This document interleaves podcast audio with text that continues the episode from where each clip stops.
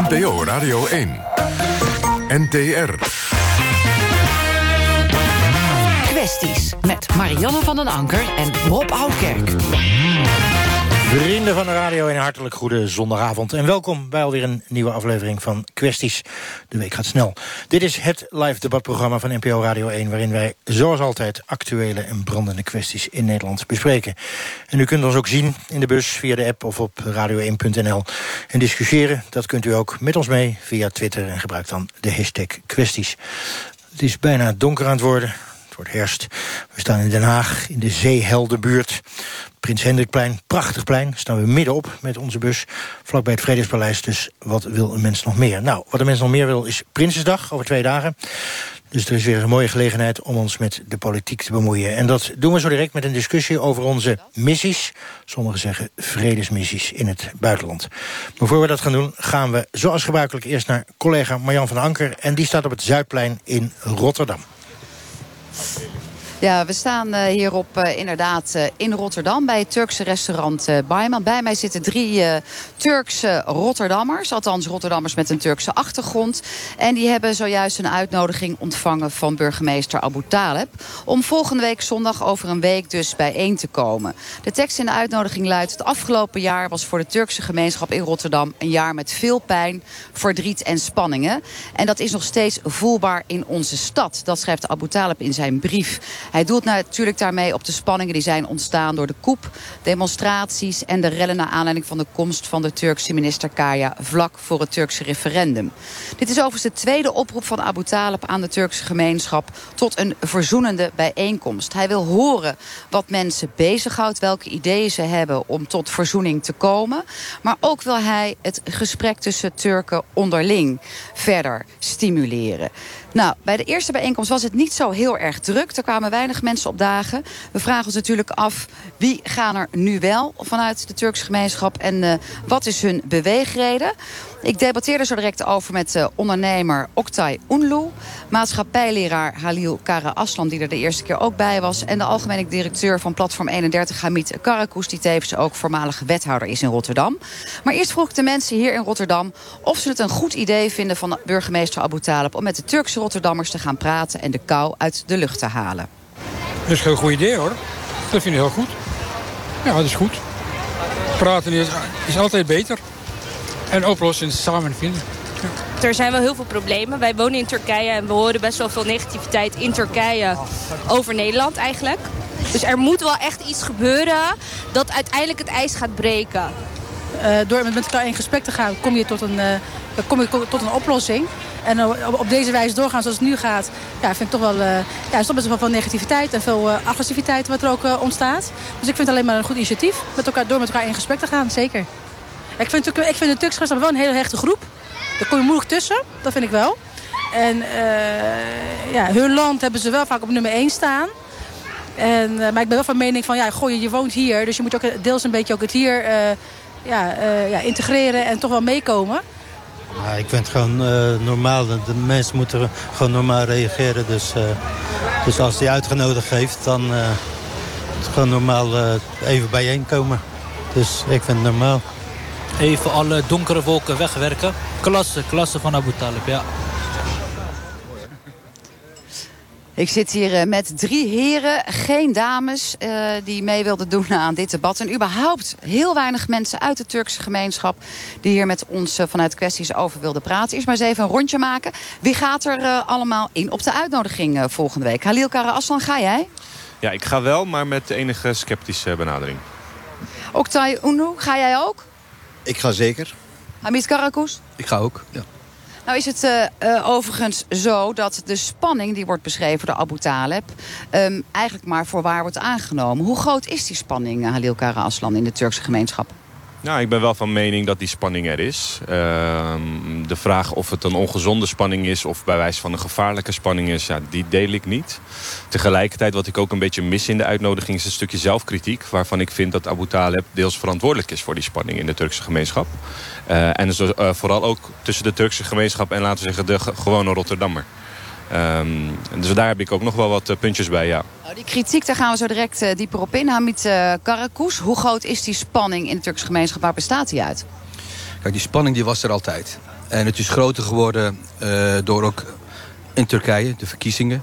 Maar ook de politieke verschillen. Maar ook wat in Syrië, Irak gebeurt. Dat raakt de Turken ook. Want het zijn natuurlijk allemaal heel veel familierelaties. De Soenieten, uh, de Shiiten, die met elkaar uh, daar aan het vechten zijn. Ja, het raakt de Turkse gemeenschap. En het, het raakt natuurlijk ook de Turkse gemeenschap hier. En dan hebben we het over jongeren die ook een bepaald vooroordeel hebben jegens elkaar. En die ook niet goed snappen en ook goed begrijpen wat de achtergrond en cultuur is. Ja, en, en dan gebeurtenis in Rotterdam. Dat heeft wel de piek bereikt. Oktay, een andere versie nog van het beschrijven van de spanningen die er zijn in de Turkse gemeenschap? Misschien nog alleen nog even een uh, extra aanmaring over de koep wat in Turkije plaats heeft gevonden. En, en ik sluit me helemaal aan bij wat Hamid zegt. Kijk, uiteraard, uh, bedoel, er, is natuurlijk veel om over te praten. Uh, bedoel, dat geldt binnen de Turkse gemeenschap. Maar met de rest van Rotterdam en misschien wel de rest van Nederland. En ik denk dat dat ook een traject zou kunnen zijn om te zeggen... Joh, laten we nou wel met elkaar in een verzoenende wijze een toenadering zoeken. Want zonder dialoog zijn we nergens. Nou wonen er uh, zo'n kleine 50.000 mensen met uh, Turkse roots in Rotterdam. Um, en toch is een groot gedeelte van deze Turken onvoorstelbaar boos op Abu Talib. We proberen dat ook te begrijpen. Als je kijkt naar wat er nu op social media gebeurt... met deze uitnodiging alleen al. Jullie bevestigen allemaal, er zijn spanningen. De burgemeester wordt gedwongen door de gemeenteraad om wat aan te doen. Is burgervader van alle Rotterdammers. En dan krijgt hij zoveel shit over zich heen. Halil Kara Aslan, hoe komt dat? Ja, shit zou ik het niet noemen. Ik zou het uh, betrokken burgers noemen die ook uh, kritiek kunnen uiten op een burgemeester. Die ze ook deels lief hebben. En uh, ik denk dat dat moet kunnen. Ik denk... Maar waarom zijn ze nou zo boos? Nou, omdat er veel is gebeurd. Ik bedoel, als je als burgemeester een, een laten we zeggen, hele bevolkingsgroep de les leest... door te zeggen dat ze een democratische opvoeding nodig hebben... nou, dan word ik onder andere wel boos, ja. Omdat dat insinueert dat ik de democratie niet zou kennen... dat ik de spelregels niet zou kennen... en dat ik vanuit een soort van achtergestelde positie... maar even een lesje moet gaan krijgen. Dat vind ik een arrogante houding. Ik denk dat een burgervader verbindender moet zijn. En ook moet luisteren naar de kritieken die er komen vanuit verschillende gemeenschappen. En daarbij vind ik zelf dat het niet alleen de Turkse gemeenschap is... maar ook bijvoorbeeld de Afro-Caribische gemeenschap... waaruit de laatste tijd veel meer binding mee verliest. Hamid en uh, uh, Okta, hebben daar iets aan toe te voegen? Begrijpen jullie waarom een deel van de gemeenschap zo boos is op Abu Talib? Hamid Karakus. Ja, zeker begrijp ik dat. Maar aan de andere kant begrijp ik ook dat Abu Talib ook de, vanuit zijn positie de punten moet aansnijden. Dat is ook zijn rol. En ook daar is ook onbegrip voor. En wat ik jammer vind is dat je dus op basis van uitspraken elkaar ontwijkt. En dat vind ik niet goed. Ik vind dat je juist elkaar moet opzoeken. En ook al ben je met elkaar niet eens. En dat mag best. En ik hoop dat die zondagmiddag daartoe leidt... dat mensen wel de waarheid zeggen. En zeggen dan, Abu Talib, ik ben op die punten niet met je eens. Op die punten wel. En dit heeft ons ertoe gebracht. En dan het gesprek naar de toekomst toe. Dat heb ik liever. Jij ook, Tai? Uiteraard begrijp ik ook de zorgen en de woede... Uh, in sommige gevallen van de Turkse gemeenschap in uh, Rotterdam... maar niet alleen in Rotterdam, in Nederland. Uh, maar tegelijkertijd zeg ik, joh, doordat je je rug keert... of het nou Abu Talib is of naar de Nederlandse samenleving... daar los je niks mee op. Wij moeten veel meer naar elkaar kijken. Er durven recht in de ogen te kijken en te zeggen... joh, dit zijn de problemen en daar staan we voor. En dat moeten we samen oplossen. Halil Karaslan. Nou, ik vind als om verder te gaan op die beeldspraak... ik vind het helemaal niet de rug toekeren. Ik denk juist dat er een gemeenschap was voorheen die heel erg passief was... en met de rug gekeerd stond naar deze samenleving. Er is een jongere generatie die juist heel betrokken is, mondig is... en ook durft te zeggen waar ze voor staan.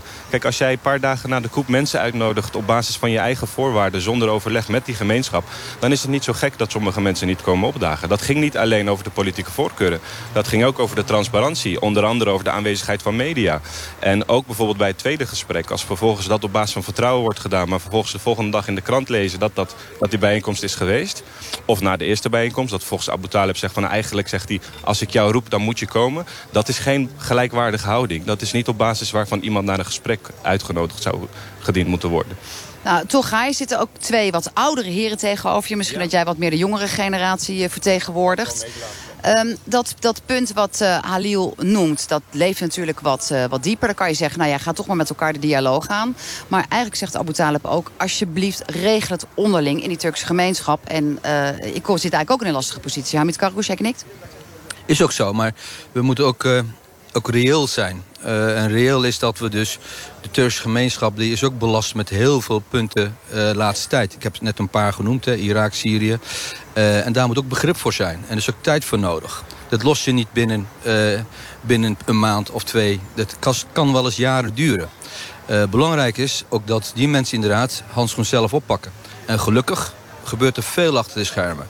Dus we, horen alleen maar, we lezen alleen maar in de media een paar dingen. Maar achter schermen weet ik gewoon, en daar hou ik mezelf ook mee bezig... hoe brengen we dialoog tot stand. En dat is echt nodig en dat moet vanuit de gemeenschap komen. Onderdeel van die dialoog is, en dat hebben wij vandaag ook op straat gehoord... dat veel mensen toch zoiets hebben van ja, het zou fijn zijn als de Turkse gemeenschap... in zijn totaliteit, voor zover je kan spreken van Turkse gemeenschap... zegt wij horen bij deze samenleving, bij deze Rotterdamse samenleving... bij deze Nederlandse samenleving. En er horen een aantal dingen zoals we dat misschien hebben gedaan... op de Westblaak op 12 maart niet bij. Ook of, nou, jij wil reageren. Daar ben, ik het, daar ben ik het wel mee eens. Tenminste niet bij in die zin dat op een gegeven moment dat het misgaat. Kijk, protesteren mag iedereen. Maar ehm, ehm, ik denk dat het juist een signaal is. Op het moment dat daar duizend mensen staan... en bij wijze van 49.000 mensen thuis zitten... is dat ook een signaal. En ik denk dat we wel constant de verkeerde signalen eruit pikken... en ons focussen op een groep. En die ene groep die bewijs van de bedreigementen uiten... en noem maar op, et cetera. Ik denk, daar moet je niet mee praten. Daar moet de wetgeving over gaan. En de rest, inderdaad, zoals Hamid terecht zegt... daar, daar gebeurt al heel veel op de achtergrond. Waarbij mensen zelf initiatief organiseren... om bij elkaar te komen, gesprekken te voeren. En dat werkt. Want ik merk veel minder spanning de laatste tijd. Nou, dat is dus al een deel wat wordt opgepakt en beet uh, genomen door de gemeenschap zelf. Uh, een laatste vraag voor jullie allemaal, uh, heren. Um, welke, gewoon namen noemen, formele en informele leiders... kan Abu Taleb opbellen? En zijn jullie dat wellicht ook om dit probleem aan te pakken... zodat hij er niet alleen voor staat? Hamid Karakus. Ik heb contact met hem, ja. en het is ook wel goed ook. Dus wij zijn ook... En, en ik moet ook zeggen, hij, zit, hij is ook ertoe bereid om die stap te maken. Dus ik hoop dat zondag dat, dat in ieder geval die gesprekken plaatsvinden. En dat mensen komen en ook in bijzijn van Abu Talib kunnen zeggen van... Hey, op die punten ben ik niet met je eens. Laat maar komen. Medeleider en ook medestrijder voor die uh, verzoening en die dialoog. Oktayunlu. Even terug naar je vraagstelling. Hè. Je zegt, uh, geef namen. Die ja. waren, nou ja, ik denk dat er uh, in Rotterdam toch behoorlijk wat actieve mensen zijn. 1, 2 zou ik niet uh, de namen kunnen opnoemen. Ik heb wel... Ben jij zelf een formele of informele leider... die voor deze maatschappelijke kwestie aan de bak staat? Ik wil zeker uh, een formele leider zijn... om voor deze maatschappelijk probleem uh, aan de bak te staan. Jij, Halil Karasov, heb je andere namen van mensen die gebeld kunnen worden? Nou, ik heb geen namen, maar ik heb wel bewijs van instanties... waarvan ik wel vind dat de gemeente een en-en-strategie zou moeten blijven hanteren. Je kan niet altijd met dus bij wijze van traditionele instanties blijven praten. Maar tegelijkertijd vind ik ook niet dat het een nieuwe koers moet zijn... om dat nooit meer te doen. Dus ik zou zeggen, uh, nodig die mensen zeker ook uit. Want hoe dan ook vertegenwoordigen die zeker een grote groep. Tegelijkertijd sluit ik me aan bij de oproep van de heren... dat op het moment dat je hier een kritische mening over hebt... of het nou positief of negatief is... kom dan wel daarheen, uit die dan ook. En dan kunnen denk ik voor een volgende bijeenkomst, als die komt... kan die wellicht beter georganiseerd worden met een andere insteek. Datgene wat jij net hier op de radio hebt gezegd bij kwesties... ga je dat ook volgende week tegen Abu Zeggen? Ook ten aanzien van die zelfkritiek die hij moet hebben? Uh, als ik daar de gelegenheid toe krijg, wel. Zeker. Amit Karakou zei al, zeg het dan ook. Alles wat je op je lever hebt. Ja, dat, dat zal ik zeker doen. Zo kennen mensen mij ook, denk ik. En er wordt hier gelachen. We zitten hier uh, nog even na te genieten met uh, Turkse thee en een drankje. Ik dank uh, Hamid Karakus, algemeen directeur van Platform 31 en voormalig wethouder. Oktay Unlu, ondernemer in Rotterdam. En Halil Kara Aslan, tevens maatschappijleer. Dank jullie wel. Rob, terug naar Den Haag, terug naar jou. En ik dank Marjan van den Anker uit Rotterdam. Waar zij ook nog eens resideert. Wij zijn in Den Haag, midden op het Prins Hendrikplein. Die bus staat echt midden op het plein, vlak naast de fontein. Eén klein weggetje en je bent midden op het plein. Mag u niet doen hoor, met de auto. En in Den Haag, uh, ik reed er net naartoe... is alles in gelegenheid en in stelling gebracht voor Prinsesdag. Overal staan wegversperringen en zaken waar je niet in mag. En we zijn in afwachting niet alleen van Prinsesdag... maar ook van coalitiebespreking, althans van het nieuwe kabinet.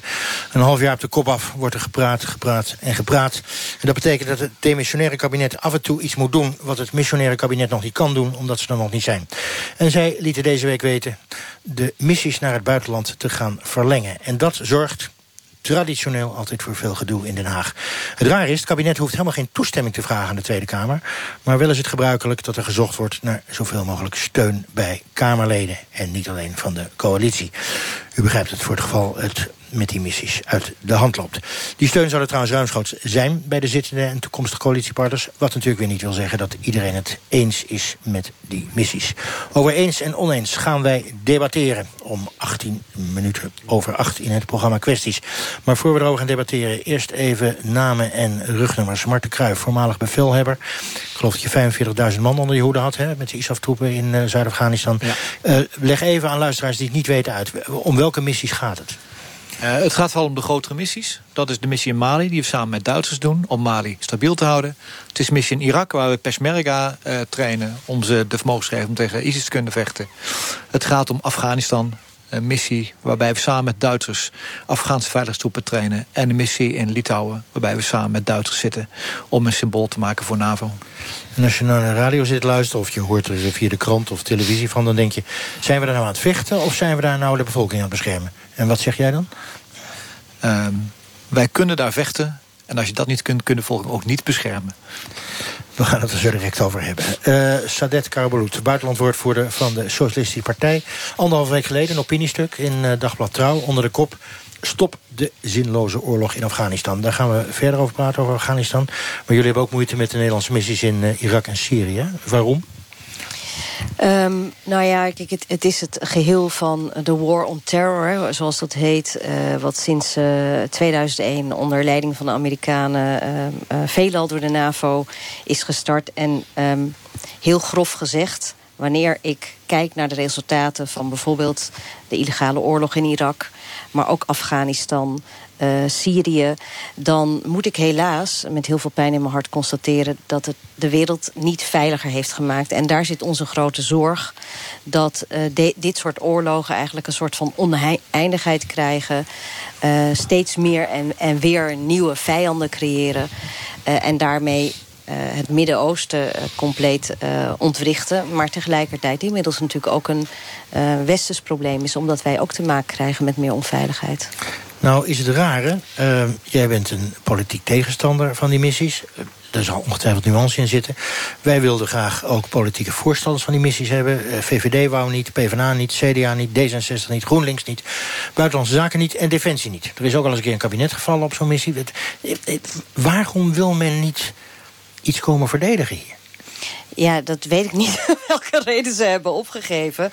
Het is, ja, het is heel jammer. Kijk, we gaan natuurlijk debatten voeren in de Kamer. Maar zijn het hete aardappels of zo? Wat, hoe zit dat? Nou ja, weet je, uh, het demissionair kabinet is natuurlijk heel terugoudend... met, met belangrijke besluiten nemen. Zo wilden ze het salaris van de leraren niet per se verhogen... wat nu dan in de begroting schijnt geregeld te zijn. Maar het eigen risico bijvoorbeeld. Maar dit hebben ze, uh, al deze besluiten... hebben ze gewoon uh, met een demissionair kabinet genomen. Dus in die zin is het onder veel partijen niet omstreden. Maar ik denk des te belangrijker om wel dat publieke debat te voeren. Want dat is echt wel nodig. Maar even ter nuancering. Um, ze hebben dat besluit tussen aanhalingstekens moeten nemen. Omdat er vier maanden training vooraf gaat aan dat je überhaupt naar die landen toe gaat. Hè? Dus 1 september, ja. dan heb je vier maanden en dan kan je 1 januari die missie verlengen. Uiteraard zijn er inderdaad allerlei praktische en uh, randvoorwaardelijke zaken. En kun je niet uh, nog een paar maanden wachten uh, als mensen door moeten. Maar wat ik maar wil aangeven is, ik denk dat het hele belangrijke besluiten zijn. Het gaat over leven en dood. het is allemaal niet gemakkelijk, ook niet voor ons. Ik bedoel, jij schetst het heel erg zwart-wit. Maar er zijn natuurlijk heel veel zaken die je met elkaar moet afwegen. En ik denk dat dat publieke debat juist nu, want ik bedoel, we hebben het over 16 jaar oorlog in Afghanistan... dat je echt de voor's en tegens moet afwegen. En wat opmerkelijk is, vanuit de CDA werd een algehele brede evaluatie gevraagd aan het kabinet. En we hebben een paar dagen terug het briefje uh, van het kabinet gekregen. En daarin zeggen ze, nou, wij gaan zo'n zo'n missiebeoordeling... zo'n brede beoordeling niet maken... Um, omdat nou ja, de causaliteit moeilijk is aan te tonen... met de missies van een aantal jaren geleden. En het is onveilig, het zou ons te veel energie kosten. Ja, en dat zegt voor mij eigenlijk al genoeg. We gaan het er uitgebreid over hebben. Uh, even terug naar uh, Marten Kruijff, grote ervaring. Um, uh, Grappig, je bent nu geloof ik voorzitter van de lokale voetbalclub in de Achterhoek. Hartstikke belangrijk. Ja, maar, maar, en, en 45.000 man onder je hoede met ISAF-troepen in Zuid-Afghanistan. Groot verschil. Bemoei je er nog mee? Of kijk je er nog naar? Of Jawel, ja, natuurlijk wel. Ja. En hoe ver gaat die bemoeienis? Nou, als je naar Afghanistan gaat, zijn er drie momenten waarop je afvraagt wat je daar gaat doen. Dat is als je wordt aangewezen. Dat is als je er zit en je maakt extreme dingen mee. En dat is wanneer je terugkomt. En dan blijft het ook spelen nu. En dus, daar kan je, kan je echt helemaal niet loslaten. Nou, je kunt wel een plekje geven, maar loslaten doe je het nooit. Nee. Nou, vroeg ik net aan Sadet hoe dat zat met die politici. Is het inderdaad een hete aardappel? Uh, dat, dat mensen niet voluit willen praten, misschien juist nu? Nou, voor mij niet. Nee, voor jou niet, maar daarmee hebben we ook uitgenodigd. Maar nee, ik heb het nu over de politici. Nee, volgens mij niet, want de missies uh, die je nu hebt... dat zijn eigenlijk missies die ongoing zijn. En zoals je zelf net zei. Je moet echt tijdig aanwijzen dat je die missies gaat verlengen. Dat kun je niet een paar weken van tevoren doen. En, en wat je wil doen met die missies, dat vind ik een ander punt. Wat je collectief wil als Nederland in Europa als veiligheidsbeleid... dat is een politieke discussie en die moet je vooral voeren. En dat moet vooral de basis zijn voor dit soort missies. Maar ik zie het meer als een pragmatische verlenging van missies. Moest gewoon worden verlengd nu, anders moet je stoppen. We gaan door en dan heb je ook de vrijheid van een politiek debat... zonder dat je vooraf daar uh, dingen uit hebt gesloten. Goed, maar Sadet laat uh, net weten dat politieke debat... dat zit er voorlopig geloof ik niet in. Of hebben jullie een spoeddebat Nee, nee, nee, nee, nee, er komen wel debatten. Komen ik bedoel, die debatten gaan we zeker... daarom zijn deze brieven en, en is dit besluit genomen. Dus hey, maar hoe zit het eigenlijk? Want formeel hoeft een kabinet helemaal geen toestemming aan de Kamer te vragen. Nee, maar er is een inlichtingenplicht. Uh, en ja. uh, dat doet het kabinet ook. Ja, maar als jullie nou collectief in die Kamer zeggen... Uh, we doen het niet, wat dan? Ja, dan, dan heeft het kabinet een heel groot probleem. Ik bedoel, je kunt niet... Uh, dit, zijn, dit zijn nogal... Dit zijn voor mij en voor heel veel Kamerleden... denk ik een van de belangrijkste besluiten... die je als Kamerlid, als kabinet kunt nemen. Uh, omdat het juist over leven en dood gaat. En omdat het gaat om uitzenden van onze mannen en vrouwen... Uh, naar gevaarlijk gebied. nou ja, met allerlei ingewikkelde, complexe toestanden. Dus dat moet je afwegen. En op het moment dat een groot deel van de Kamer zou zeggen... wij steunen dit niet, dan denk ik dat een uh, kabinet, een bewindspersoon... een heel groot probleem zou hebben. Maar goed, dat is weer voor het nieuwe kabinet. Uh, twee mensen uit Afghanistan, althans oorspronkelijk... de Afghaanse activiste Zoreh Nourouzi. Spreek ik het goed uit? Ja. Goed. Zeg, je bent vijf jaar in Nederland. Je bent gekomen als vluchteling. Ja. Waarom ben je gevlucht? Uh, dat was door een privéprobleem die ik met mijn ex-man gehad. Ga je ook nog terug? Of heb je het gehad met Afghanistan?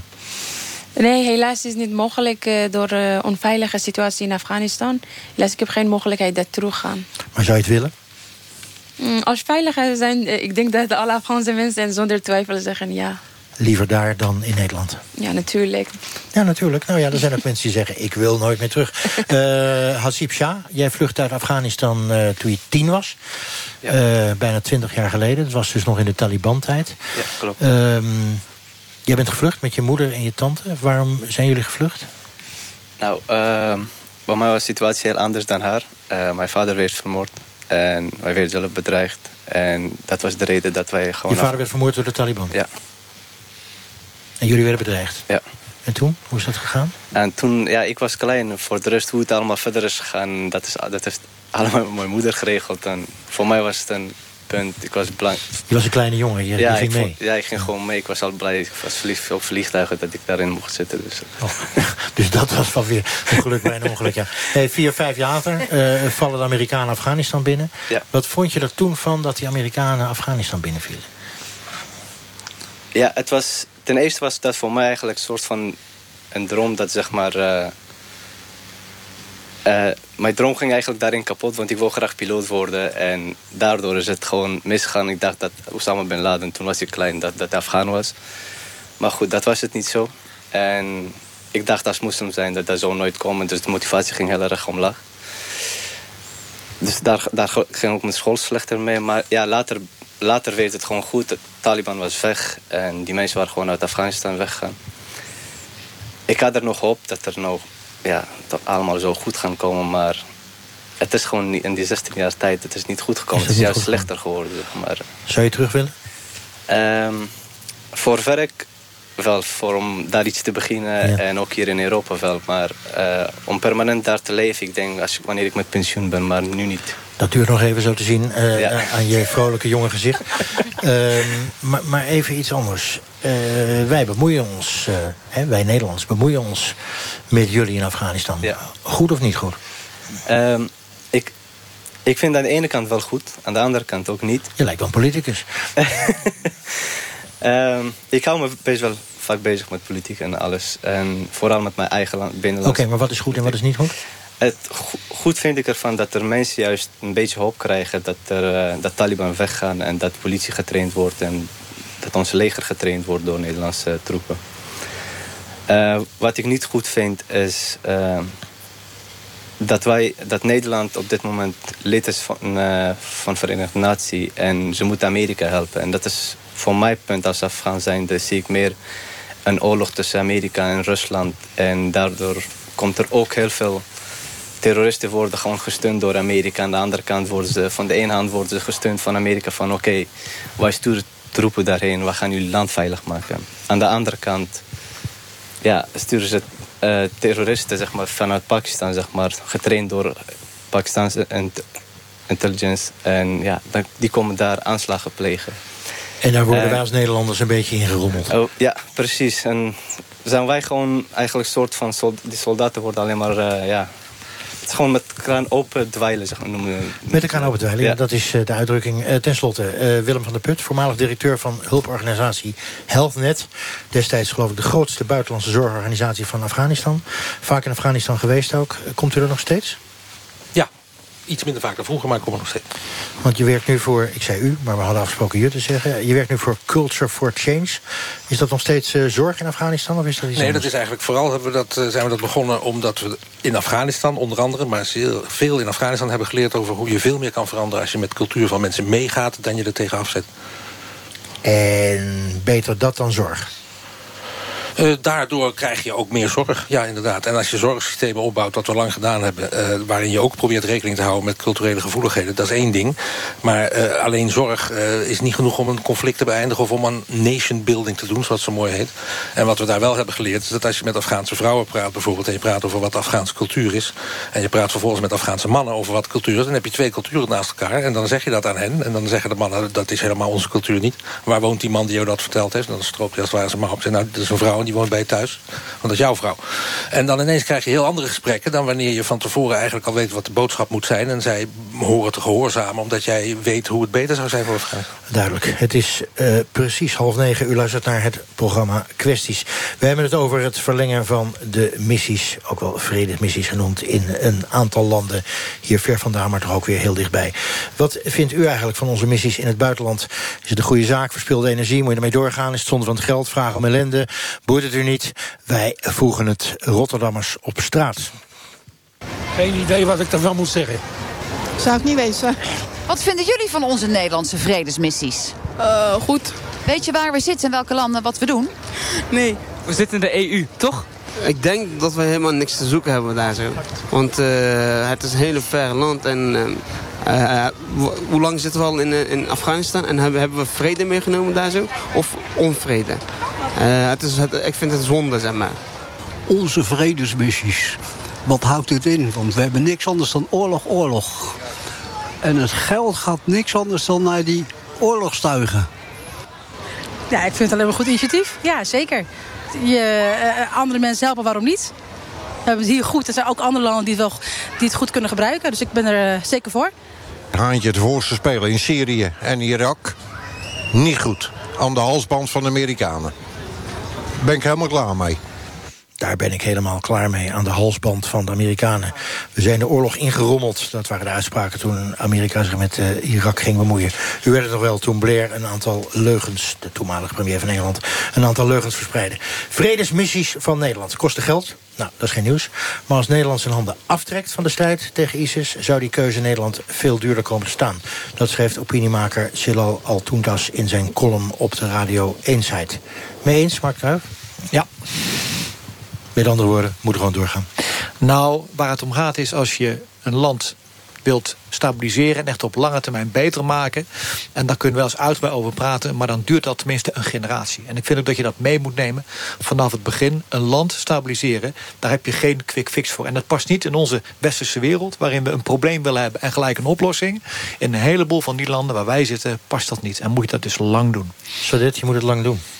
Ja, een paar dingen. Kijk, het is natuurlijk een heel nobel streven... Hè, dat wij overal ter wereld vrede, veiligheid en stabiliteit zouden brengen. Maar de realiteit is een heel andere. Allereerst, uh, ik denk een heel belangrijk punt... waar we heel eerlijk over moeten zijn. Wij kunnen landen geen democratie opleggen. Dat hoe wij gewend zijn te besturen... of dat we, wat we voor anderen wensen... je kunt dat niet van eh, buitenaf opleggen, laat staan bombarderen. Twee, wanneer we kijken naar de missie bijvoorbeeld in Afghanistan... maar dat geldt zeker ook voor Irak en Syrië... dan zien we dat daar in die landen ehm, chaos is gecreëerd... waar terroristen juist op hebben ingespeeld. Waar inderdaad terroristische groepen door allerlei bondgenoten zijn gesteund. eh, waar met andere woorden het leven van de volkeren in het Midden-Oosten... onveiliger is geworden en waar ze eigenlijk minder democratie hebben gekregen dan meer. En ten derde, op het moment dat je met elkaar zou zeggen... nou, wij willen andere mensen helpen... dan moet je ook eerlijk zijn over de resultaten. En moet je kijken wat we het beste kunnen doen. Ik denk dat we ook moeten leren bescheiden te zijn... en stoppen wat die meneer net op de radio zei... daar ben ik het helemaal mee eens... stoppen met achter de Verenigde Staten aan te lopen. Onze rol kan een hele andere zijn. Namelijk daadwerkelijk investeren in stabiliteit en vrede... in plaats van deze eh, ja, vuile oorlogen, zou ik het haast willen noemen. Nou zou ik zeggen, als ik luisteraar was... wat hij de Kruif zegt, dat snijdt wel hout. En wat hij Jadit zegt, eh, zegt, dat snijdt eigenlijk ook wel hout. Hoe komen we eruit? Vraag ik maar even aan de voormalige bevelhebber. Maar dat is niet helemaal raar wat ze zegt. Of wel? Nou, nee. Voor een deel niet, voor een deel wel. Want er zijn natuurlijk ook een heleboel vredesmissies te noemen... die wel succesvol zijn. Kijk naar de Balkan, kijk naar Kosovo nu. Dus het is een beetje eh, raar om te zeggen... dat geen enkele missie effectief is. En ik zeg ook, missies hebben gewoon voor ons allen een langdurig commitment nodig... als je een land echt fundamenteel wilt helpen. En dat is waar het in de politiek echt om gaat. En wij hebben in 2000. Maar wacht even, ik onderbreek even. De politiek heeft natuurlijk een houdbaarheidsdatum van vier jaar. Dan zit er altijd weer een nieuw kabinet. Denkt er misschien wel anders over. Maar jij zegt eigenlijk, dat moet je vijf kabinetten lang doen. Ja. Ja, maar eh, kijk, de Sorry? kwestie is natuurlijk... eh, Daar daar ben ik het aan zich mee eens. Ehm, en ik heb het niet over generiek alle missies. Maar ik heb het voornamelijk over de war on terror. Hè. Een aantal illegale oorlogen. eh, geleid door de Verenigde Staten, geleid door de NAVO... die meer onveiligheid hebben gebracht. Maar laten we Afghanistan bij de kop pakken. Het idee was om de Taliban te verdrijven. Inmiddels heeft de Taliban bijna de helft van het land eh, onder controle. Het idee was om mensen op te leiden. Tuurlijk, onze mensen doen daar hartstikke nobel werk... en er zullen ongetwijfeld resultaatjes worden geboekt... maar het land is, is nog- steeds in en in corrupt. Het idee was om daar veiligheid te brengen. Er zijn de afgelopen jaren, de- het afgelopen jaar... in verhouding tot het jaar ervoor, meer aanslagen gepleegd. En dan vind ik dat je op een gegeven moment eerlijk moet zijn... en conclusies moet het trekken. punt is duidelijk. Het is ook duidelijk welk standpunt je in de Tweede Kamer zal innemen. Eh, ik vraag het toch maar even aan onze voormalig bevelhebber. Eh, druppel op een gloeiende plaat, zegt de eh, woordvoerder van de SP. Nee. Kijk, er is veel aan te merken op Afghanistan. En veel dingen gaan fout, maar veel dingen gaan er ook goed. Wat gaat er fout? We moeten, nou, dat zie je vooral, burgerslachtoffers worden gemaakt. De Taliban, wie het trouwens ook is hoor. Want ik ken de Taliban niet. Dat is geen organisatie zoals wij die kennen. Dan moet je echt Afghanistan en de drie lagen daar, dus stammen, we Pakistan, Wat allemaal wat kennen. gaat- ja, wat gaat verder? En nou, wat wij van de Afghanen vragen in 2008 hebben met z'n allen hier... hebben we gezegd, wij gaan jullie helpen. We gaan meer militairen binnenvoeren. Overigens door een, door VN aangenomen resolutie... waarop de NATO is gaan werken. Dus het is een VN-missie geweest. Als je daarop door hebben gezegd... we gaan de Taliban in het defensief dringen... en die tijd gebruiken we om de Afghaanse veiligheidstroepen op te bouwen... en Afghanistan duurzaam veilig te maken. Wij zijn in dit land al zeven jaar bezig om de politie te reorganiseren. Wij vragen van de Afghanen om in zeven jaar analfabetisme, mensen die niet kunnen lezen en schrijven. Er is geen leger, er is niks. Om dat allemaal op te bouwen. Het leiderschap, de logistiek, alles wat erbij was. Dit is een vliegtuig bouwen terwijl je vliegt. Dat vragen we aan de Afghanen. En als je dan ziet wat er dan wel lukt, verkiezingen, daar kun je wat over vinden, verkiezingen. Maar ook in andere landen gaan verkiezingen niet altijd goed, heb ik begrepen. Maar verkiezingen, een vorm van democratie die er is. En inderdaad niet onze vorm van democratie opdringen aan de Afghanen. is helemaal Dat niet zijn jullie nodig. met elkaar eens, ja. Helemaal no- dat ben ik eens. Maar dan moet je dat tijd geven. En wat voor Afghanen ontzettend belangrijk is, is eer en vertrouwen. En als wij hebben gezegd vanaf 2008, wij gaan jullie helpen, dan heeft, dan heeft een Afghaan maar één vraag. Wanneer gaan jullie weg? Of blijven jullie? En als je zegt dat je blijft, dan is het voor de Afghaan ontzettend belangrijk om dat ook te doen. De eer, de Pashtunwali, het vertrouwen, dat moet je nakomen. En dat commitment zijn we aan. Maar dan wel in hun cultuur, eh, Willem van der Put. Precies. niet in de En, eh, de reden waarom wij dwars de- in de Taliban-tijd, voor de Taliban-tijd en na de Taliban-tijd altijd hebben kunnen werken, is omdat je elkaar begrijpt in dat, dat onderlinge respect voor eer en cultuur en, en doen wat je beloofd hebt. Alleen wat wij beloofd hebben, is in 2008 iets wat we niet echt waar hebben kunnen maken. En toen hadden hadden we ook de mond vol over dat we drie D's hadden. De diplomacy, eh, development en eh, defense. En eh, ja, waar we eigenlijk al jaren over roepen... is dat er is wel relatief heel veel naar defense gegaan... en weinig naar de andere middelen. En dan denk ik, als je dan de resultaten ziet... moeten we dan niet met elkaar zeggen... laten we die middelen eens een keer onder de loep nemen... en kijken of we dat niet anders moeten doen. En dan hebben we het niet over mensen in de steek laten... als je minder militairen stuurt. Maar juist met mensen serieus in gesprek gaan... over hoe we ze beter kunnen helpen dan tot nog toe gebeurt. Ik denk dat dat het punt is. En praten, praten, praten over hoe anders, maar... We, we, nou, niet praten, gewoon doen. Je kunt het ook gewoon doen. Je kunt, nou, wat, we gemerkt hebben, is je kunt op alle mogelijke manieren... lokale veranderingen in gang brengen... die zorgt dat daar ter plaatse veel minder belangstelling is... voor inderdaad, wat Maart helemaal terecht zegt... zijn het de Taliban, is het een lokale club, is het uh, Hekmatier? Iedereen kan het zijn. Het gaat erom dat mensen onderling verantwoordelijkheid nemen... voor hun eigen veiligheid. En als er één volk is wat ik in al die landen waar ik gewerkt heb... dat kan doen, dan zijn het Afghanen wel. Oké, duidelijk. Zoreen Ouzi, um, over cultuur gesproken. Buitenlandse soldaten in jouw land. Hoe voelt dat? Uh, toen ik was zelf in Afghanistan, ik kijk altijd naar uh, alle leger als uh, Amerikaanse achtervolgers eigenlijk. Want we denken altijd, omdat Amerika denkt dat dit moet doen, hele wereld luistert en dan komt naar Afghanistan. En we kijken eigenlijk niet goed. Vooral dat uh, Afghaanse mensen in Afghanistan hebben niet zoveel informatie over die missie eigenlijk. En, uh, ze te weinig eigenlijk? Worden ze te weinig over geïnformeerd? Ja, vooral vrouwen eigenlijk. Tenminste vrouwen. Want in Afghanistan, ik zelf ook als een jonger meisje was achter de nieuws even volgen. Dat wat is er aan de hand in mijn land en hoezo dat de regering gewoon de knuffel openmaakt tegen de hele wereld. Dat iedereen komt binnen en welkom, gewoon help ons, we zijn armen en zo. Maar ik denk dat uh, uh, militaire inzet is niet echt enige optie dat in Afghanistan kan uh, vrede brengen. Want hoe kan met de militaire vrouwen in de maatschappij brengen?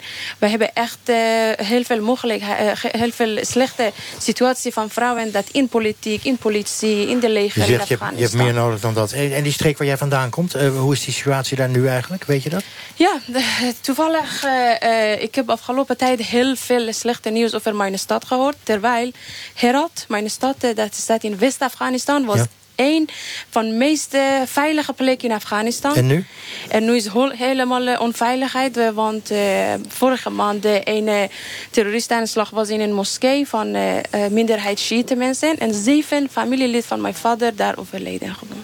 En Marten, Marten ja, je hoort het van een ander zou ik willen zeggen. Dat is toch niet de bedoeling? Het moet, het moet toch van, niet van veilig naar onveilig... maar van onveilig naar iets veiliger. Nou, ik heb het nooit veilig gevonden in Afghanistan. Als je hierover praat, van dit soort dingen is altijd gebeurd. Alleen, ik weet nooit wat de achtergrond daarvan is. Is het, is het Soenieten, Shiiten, is het Taliban, is het iets anders? Het is geen veilig land, daar zijn we eens. En ik ben het ook eens dat militairen nooit de oplossing brengen. Die kunnen niks anders doen als de voorwaarden scheppen... die anderen moeten invullen om het te gaan opbouwen. Maar als je dat zegt tegen elkaar en je zegt de militairen moeten ondersteunen... en andere mensen moeten het gaan invullen... dan weet je al, ja, dat doe je dus niet in een jaar. Dat moet je echt heel langdurig doen. En je moet het Afghanen zelf laten doen. En het interessante is, wij als Nederlands... een van de weinige landen die een grondwet hebben staan dat we dit soort missies moeten doen. Dus dan vind ik ook dat je als kabinet vanuit dat standpunt moet gaan... en kijken, gaan we dat invullen geven of niet? Sorry? Ja, ik, ik, ik denk dat... Uh, dat we ons niet moeten uh, blind staren op dat je het langdurig moet doen. Ik bedoel, als, deze missie, als deze missie doorgaat... dan zitten we daar tot 2020. Dan is dat 20 jaar lang. He, maar dat de oorlog, wat hij, wat de oorlog zegt, dat het ook ja, is. Maar dan vervolgens constateer ik, als ik kijk naar de veiligheidscijfers... 70% meer aanslagen. Ik zei het al, IS heeft bijna de helft van het land onder controle. Of uh, de Taliban. IS die is daar ook opgedoken. 29, nog maar 29% van de Afghaanse bevolking... die heeft hoop dat het goed komt. Dan moet je concluderen dat deze strategie... die overigens ook nog troebel is... Hè, want Trump zegt nu, wij gaan gewoon de terroristen bombarderen. Terwijl voor Nederland inderdaad het opbouwen van de rechtsstaat eh, belangrijk is. Dus terwijl de strategie ook nog onduidelijk is... kun je nu al concluderen dat het niet effectief is. Dus moet je je doelen gaan bijstellen. Dus moet je eerlijk zijn. Maar ik denk je, je, kunt ook um, um, Ik noem toch even een andere generaal. Hè, generaal Frank van Kappen, die ook senator voor de VVD. Ja, horen we ook vaak op de radio. Ja, en Van Kappen zegt al jaren geleden... jongens, laten we eerlijk zijn. Als wij dat echt willen oplossen... en dan zegt hij ook, en daar ben ik het ook mee eens... een lange termijn commitment... dan moet je ook niet kinderachtig doen... en voor 30 jaar zeker 200.000 groepen op de grond neerzetten. En als je dat niet wil doen... dan moet je niet hypocriet zijn... en denken dat je een klein beetje dat kan... Kijk, de Amerikanen hebben daar met, ik geloof, 130.000 man gezeten. En nu zitten we er met rond de 12.000 man, een paar duizend meer. Je gaat, je gaat deze strijd gewoon niet Wacht even, jij, jij zegt eigenlijk, Sadet, je zei het ook al in de trouw... we moeten stoppen met die zinloze oorlog in Afghanistan. Mislukt, punt erachter. Uit. Ja. Allereerst een, Ja. lange, een hele lange missie is En dat betekent punt. niet dat je de Afghanen in de steek moet laten. Nee, Absoluut dat neem ik niet aan. Wij zitten al 60 jaar op de Golan. 60 jaar. Golan, Dus- eh, dat is de hoofdvlakte Dat is de hoofdvlakte Syrië. tussen Syrië en Israël. Ja. Dus lange missies is, is voor mij geen punt. Ik ben het met Frank in dit geval niet eens. Generaals zijn het niet altijd eens. Dat moet op zich mooi zijn. Oeh, dat vinden wij lastig hoor, Want- generaals niet eens zijn. Ja. Wat er nu gebeurt is echt iets anders. Toen de ISAF-missie stopte... en we dus hadden gezegd... we gaan niet meer op de grond met troepen opereren... maar we gaan alleen maar de Afghanen helpen... in het opbouwen van het leger. En de politie is echt een enorme wissel gegaan... onder het besef dat je als krijgsmacht uiteindelijk nooit voor een ander land veiligheid kan garanderen. Dat moeten de Afghanen zelf doen. Daar ben ik het fundamenteel oneens met Franklin van Kappen. Dat moet je juist doen. En wat je nu ziet, is dat het aantal wat er zit, 11.000, vindt men te weinig. Dan moet je er een tandje bij. Maar ik ben het fundamenteel niet eens dat je daar 200.000 man op de grond had moeten hebben. Je moet juist land opbouwen naar de Afghaanse methode... en de Afghanen zelf laten doen. Maar, maar wat is, je, je, je moet toch wel ingaan op de realiteit. Dat is namelijk dat na 16 jaar zij dus niet op eigen benen kunnen staan. Dat er spooksoldaten zijn. Dat zelfs de ehm, Amerikaanse inlichtingendiensten zeggen... wij moeten dit doen, want anders stort de boel ineen. Dus met andere woorden dat er verslechtering is van de veiligheidssituatie... dat de corruptie is gegroeid en de onveiligheid. Dan moet je toch iets, iets inhoudelijks ook een reactie op geven... behalve dan, we moeten zo doorgaan. Oké, genoeg tussen jullie, Hassan Ja, maar wat meneer zegt, eh, je moet Meneer het naar Afghan... Ja. eh, je moet het opbouwen naar, naar het leger zelf. Het gebeurt niet binnen 1 en 2. Het, wij hebben jarenlang oorlog gehad. De hele leger, toen wij vroeger na de communistische val... eh, Wij gaat, die zijn helemaal uit elkaar gegaan. We hebben jarenlang oorlog gehad. Het moet weer opnieuw opgebouwd worden. Het is gewoon net bijna dat je een stad opbouwt. Het gaat niet heel snel. Maar wat we kunnen doen, er zijn een paar, paar punten dat, dat ik hier notitie van heb gemaakt. Het kost Nederland veel geld. Maar wat we kunnen doen is gewoon... Wij hebben heel veel bronnen in Afghanistan. Wij hebben, we kunnen werkgelegenheid vanuit Nederlandse bedrijven daarin investeren. Dat wij daar, vanuit daar geld binnen in Nederland kunnen krijgen. Zo bouw je een land op. Zo geef je mensen kennis. Zo kunnen ze ook doorgaan. En de veiligheid kan waarborgd worden door, door de leger.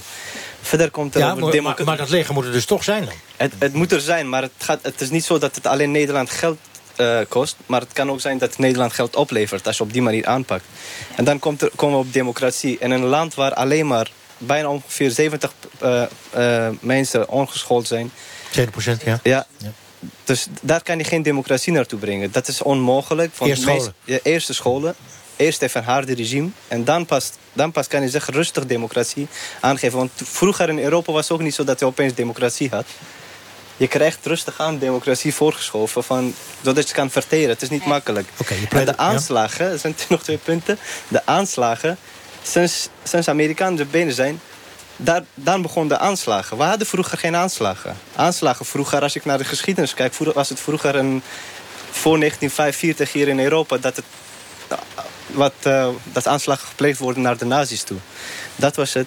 En de IS, dat is nieuwe kleding van Taliban. Zwarte kleding, oud, ja, met andere vlag. Mautijzer. Andere Ja. vlag, ja, dan, dan, ben je, dan ben je ta- ISIS. Het is gewoon hetzelfde mensen, andere kleding. Mart Kruijf, Mart Kruijf, van iemand van binnenuit. eh, doet een aantal via zijn iPhone opgeschreven suggesties. Klinkt toch allemaal wel heel redelijk? Ja, helemaal eens. Ja, dus? Maar iemand zou wel het Afghaanse leger moeten opbouwen. En de Afghaanse politie moeten opbouwen. En dat is nou precies Dus het wordt wat de NN. missie Resolute Support. Dus NN.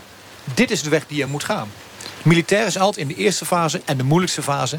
Maar daarna moet overdragen aan andere mensen in het land... veel beter kunnen opbouwen dan militair. Maar Sadet Karabulut zegt, luister eens, we zitten daar 16 jaar. ehm ehm, eh, kijk naar de resultaten. En eh, ze heeft ook een papier voor de neus met allemaal getallen, rugnummers, duidelijkheid. Ja, maar feit in Afghanistan, toen ik er was, 2008... zou het hele zuiden vallen binnen een jaar.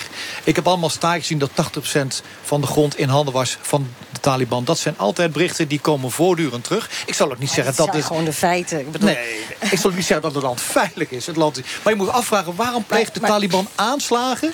als ze 70% van het land beheersen? Waarom Maar- zouden ze dat maar, dan maar doen? los, Dat- dat los, daarvan, los daarvan, want er is één belangrijk punt... wat we volgens mij nog niet duidelijk op tafel hebben. Dat is namelijk dat er een politieke oplossing zal moeten komen... voor het bestuur van het land. Heel veel Afghanen wantrouwen de buitenlandse troepen. En met andere woorden, door de VS eigenlijk ge- geparachuteerde regering... wordt niet gesteund. En daar zit een enorm probleem... waardoor mensen mogelijkerwijs richting Taliban trekken. En dat moeten we zien.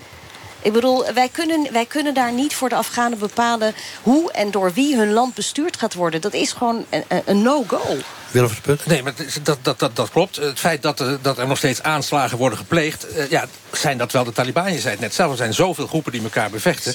Het feit dat IS binnengekomen is... En die aanslagen komen er ook van al allerlei kanten. Ja, precies. Het feit dat IS binnengekomen is, heeft het speelveld totaal veranderd. Het dreigde eerst, dreigde eerst. Het leek echt hoopvol te zijn een paar jaar terug. Toen IS zich ermee kwam bemoeien, krijg je echt een ander spel.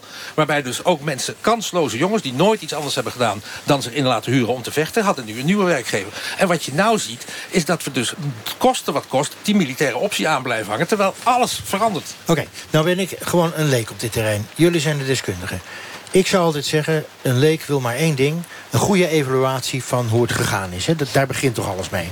Ehm, een Kamermeerderheid heeft er ook om gevraagd. Een betere evaluatie van de Oerskan-missie. En Jorrit Kamminga van Oxfam Novib en Klingendaal... schreef daar een column over in de NRC. Luister even mee. Al eh, sinds de val van eh, het kabinet Balkenende 4, vanwege onze missie in Oeruzkan, heerst er eigenlijk in, in politiek Den Haag een angstklimaat. Waarin het nagenoeg onmogelijk is om een brede steun te vinden voor een nieuwe missie in Afghanistan of de uitbreiding van de huidige bijdrage. En misschien is dat ook waarom onze missies in Oeruzkan, Kunduz en, en Mazar-i Sharif nooit goed zijn geëvalueerd. En daardoor is het niet duidelijk wat er goed en wat er fout is gegaan en wat er beklijft van zo'n missie. En juist daarom vroeg een, een, een Kamermeerderheid eind vorige maand om een nieuwe evaluatie van de missie in Oeruzkan. Maar dat ziet het eh, kabinet nu niet zitten. En, en zonder zo'n zo'n degelijke evaluatie is het heel lastig om meer draagvlak te creëren voor een nieuwe missie. En leren we ook niks. En leren we ook niks, Marten, je- Marten. Je moet toch leren van, van je geschiedenis, van het voorafgaan. Binnen de krijgsmacht doen we dat ook. Want elke missie die we hebben, wordt geëvalueerd. Uitgebreid. Dat heb ik zelf ook moeten doen. Voor de baas. Een politieke evaluatie. Dat is natuurlijk wat anders. Dan moet je toetsen aan de politieke doeleinden die zijn geweest. Ik heb er overigens geen enkele boeite mee. Doe dat vooral. Want missies zijn openbaar, zijn publiek, publiekelijk geld. Krijgsmacht is van dit land. Dus daar heb ik totaal geen moeite mee. Mag je mij betreft doen. Wat ik, eh, ik vind het o- ontzettend wrang, eh, echt pijnlijk... is dat we eh, recentelijk een commissie hebben ingesteld... voor oorlogsmisdaden in Indonesië. Maarten is daar adviseur van, geloof ik, van die commissie. Dat doen we na 70 jaar. En tegelijkertijd een missie die heel recent is geweest... waarbij in elk geval we weten dat er honderden burgerslachtoffers zijn gevallen... die evalueren we niet. Het gaat mij totaal boven de pet. Ja, eh, eh, kijk, we zijn aan ons stand verplicht. Allereerst voor onze eigen militairen inderdaad. Wat? We sturen- Evalueren? we- ja, evalueren. We- We sturen mensen naar Afghanistan. En vervolgens moet je dan ook willen weten hoe het zit. Ten tweede, de burgerbevolking. Er zijn, naar, volgens conservatieve schattingen... 220.000 burgerslachtoffers gevallen. Sommigen zitten rond een miljoen. Ik weet het niet, maar in ieder geval ontzettend veel. En eh, ten derde, eh, je moet ook evalueren... zodat je lessen kunt trekken en eventueel een missie kunt bijstellen. En het heeft er alle schijn van, eh, nogmaals, ik heb hier de Kamerbrief voor me... dat eh, ja, het kabinet het gewoon niet wil weten. En dat vind ik heel ernstig. Maar dat is, dat is raar. Want bedoel, waarom zou een kabinet het niet willen weten? Eh, Omdat ze iets meer weten en dus het niet willen weten? Nou ja, kijk, weet je, wat zij hier zeggen is op zich vrij duidelijk. Dat is één, het is heel lastig om de causaliteit aan te tonen. Eh, eh, twee, het is heel erg onveilig. Dus onze mensen kunnen geen onderzoek doen. Eh, en drie, het kost allemaal veel tijd en energie. Maar het is, Dat- dat- het is eh, ehm, eh, wat dat betreft eh, geweldig interessant. Ik heb in al die jaren dat ik discussies heb met de top van eh, het leger, met Defensie... is het altijd glashelder waar je over praat. Bij politici wordt het al iets lastiger. Eh, maar als je het hierover gaat hebben, dan is er geen touw meer aan vastknopen. Behalve dan wat Rob de Wijk mij ooit eens een keer vertelde. We moeten die missies doen, want we worden terugbetaald... in goodwill van de Verenigde Naties en vooral van de Verenigde Staten. Dat zijn natuurlijk de redenen op de achtergrond. Dan denk ik, ja, praat daar dan eens een keer Maar over. Ja, ja en, en we zijn het ook verplicht aan de bevolking. Hè. Kijk, wij hebben natuurlijk voortdurend discussies over migratie en Ja. vluchtelingenproblematiek. We moeten ook ehm, erkennen. Kijk, vor- vorig jaar alleen al ging het om 600.000 Afghanen op de vlucht. Eh, een deel van de vluchtelingenstromen komt uit Afghanistan, uit al die conflictgebieden. Dus je, je moet ook vanuit menselijk eh, oogpunt, eh, vanuit je bevolking hier en de Afghanen daar, dit willen weten. En dan heb ik het gewoon over een echte brede evaluatie. Dus zo- niet door, tot- door het rietje kijken naar, naar wat hebben wij gedaan, hoeveel mensen ingezet, maar wat zijn de resultaten. En zowel een, militaire evaluatie, zeg maar de krijgsmacht zelf... als een politieke evaluatie, toch? Dat heb ik goed begrepen. Oké. Nou hebben we humanitaire verplichtingen. Nou, je had het er al over, Zadet. Maar we hebben ook een soort historische verantwoordelijkheid, toch? In het Midden-Oosten, vraag ik Mart Cruijff. Eh, wij zijn toch een beetje verantwoordelijk voor allerlei politieke bemoeienissen. Er is wat olie, er is wat, nou ja, noem alles maar op. Is, wij zitten daar natuurlijk ook al een hele tijd. Je had het zelf over de Golan, waar we al 60 jaar zitten. Ja, dan ga je heel ver terug. Maar, heel, maar de bron van heel veel conflict die we nu hebben... is getrokken in het verleden... omdat we grenzen hebben getrokken... koloniale machten tussen landen... die niet zijn gebaseerd op ratio... maar op etniciteit en op andere belangen. Ja, maar dat zijn Als je kijkt naar. Sykes-Picot in het Midden-Oosten... speelt nog steeds een enorme rol.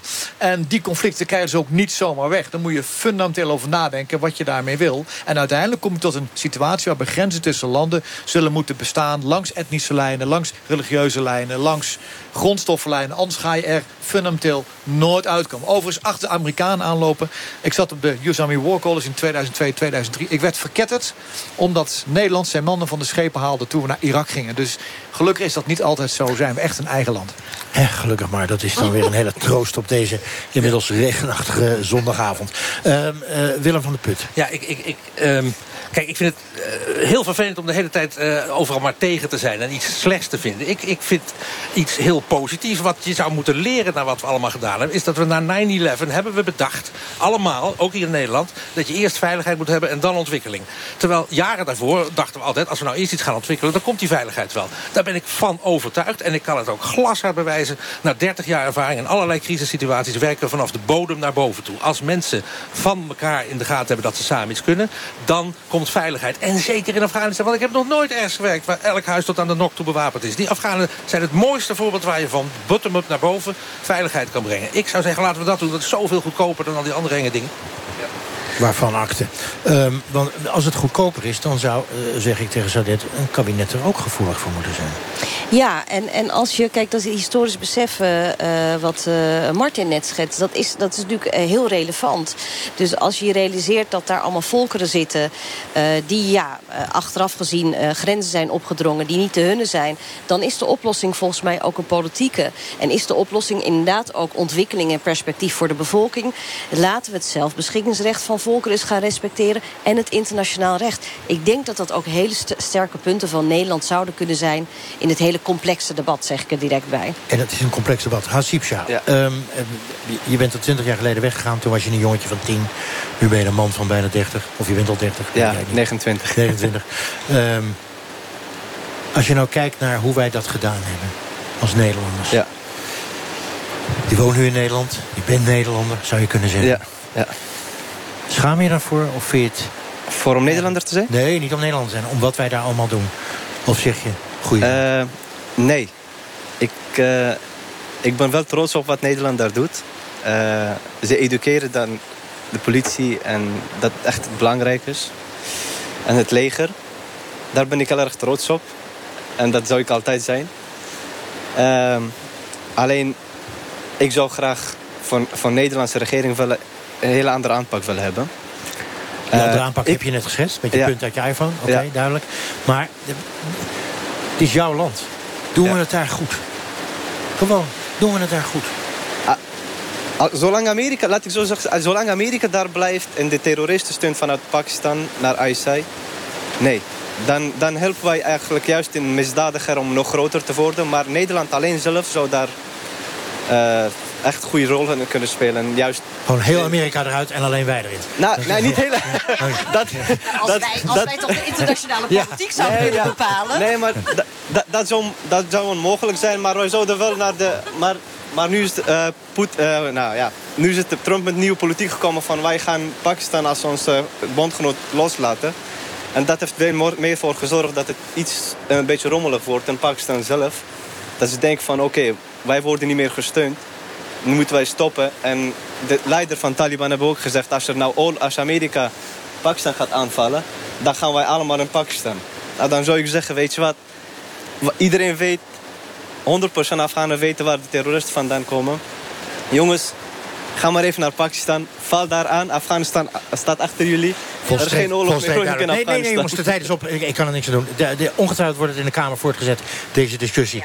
En of we eruit komen is nog maar een tweede. We zijn ook benieuwd naar uw mening, dus discussieer met ons mee op Twitter... met hashtag kwesties of op onze Facebookpagina. Ik dank jullie allemaal. Het regelt tenminste pijpenstelen boven op deze bus. Volgende week zondag zijn we er weer. Weer ergens in het land met een andere brandende kwestie. Zo direct Radiodoc. Onder andere over ons eigen Nederlandse slavernijverleden. Ook zoiets. Volgend jaar loopt een wetenschappelijk onderzoek af... dat antwoord moet geven op de vraag... hoeveel Nederland aan deze mensenhandel heeft verdiend. Luc Heesen legt uit hoe verweven de slavernij... met het dagelijks leven was aan het einde van de 18e eeuw in Nederland. Ik wens u een heerlijke zondagavond. NPO Radio 1. Leven de koning! Hoera! Hoera! Heeft u al lang staan wachten op dit moment? Nou, elke dag droom ik ervan, hè. De derde dinsdag in september. Prinsjesdag op 1. Je ziet eh, van ver al de gouden koets komen met paarden ervoor. Met de rijtour, de troonrede, Paleis Noordeinde en de miljoenennota. De dreiging van radicalisering en terroristische aanslagen in Europa zet de samenleving onder druk. Dinsdagmiddag van 12 tot 5. Prinsjesdag op 1. De deuren zwaaien nu open op het balkon. En daar zien we als eerste de koning. Op NPO Radio 1. Het nieuws van alle kanten.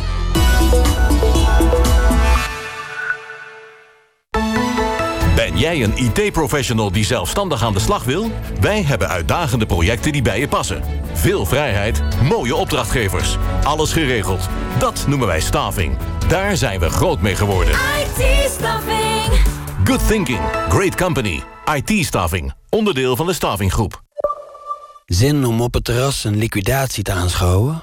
Start dan Penosa. Nee, ik bepaal mijn eigen regels. Penosa of een van de vele andere dramaseries ontdekken? Op het nieuwe NPO Start kijk jij wat jij wilt kijken waar en wanneer jij wilt. Dus start op npo.nl. Ramenlappen, wankeltrapje. Boem, klap, auw! Acht maanden geen facturen sturen. Daarom is er een arbeidsongeschiktheidsverzekering van Centraal Beheer. Want soms gebeuren er dingen die u niet ziet aankomen. Nu zelf online af te sluiten zonder advieskosten. Gewoon op centraalbeheer.nl slash AOV. hey Loes, de beamer is stuk. En Oh, ik heb een nieuwe. Morgen hangt die. Ah, mooi. En onze stagiair David, die is ook bijna jarig en hij houdt heel erg van koken. We Dus- hebben een Vietnamees kookboek. Is dat wat? Ja, ja, top. En ehm, ja, we willen eigenlijk morgen een pingpongtoernooitje houden. Petjes, balletjes, heb ik. Oh. Ja, en een netje? Heb ik ook. Alles voor je bedrijf op voorraad hebben? Je kan het met bol.com. Want met een zakelijk account heb je een voorraadkast van 15 miljoen artikelen. Vandaag besteld, morgen geleverd. Ga naar bol.com slash zakelijk. NPO Radio 1.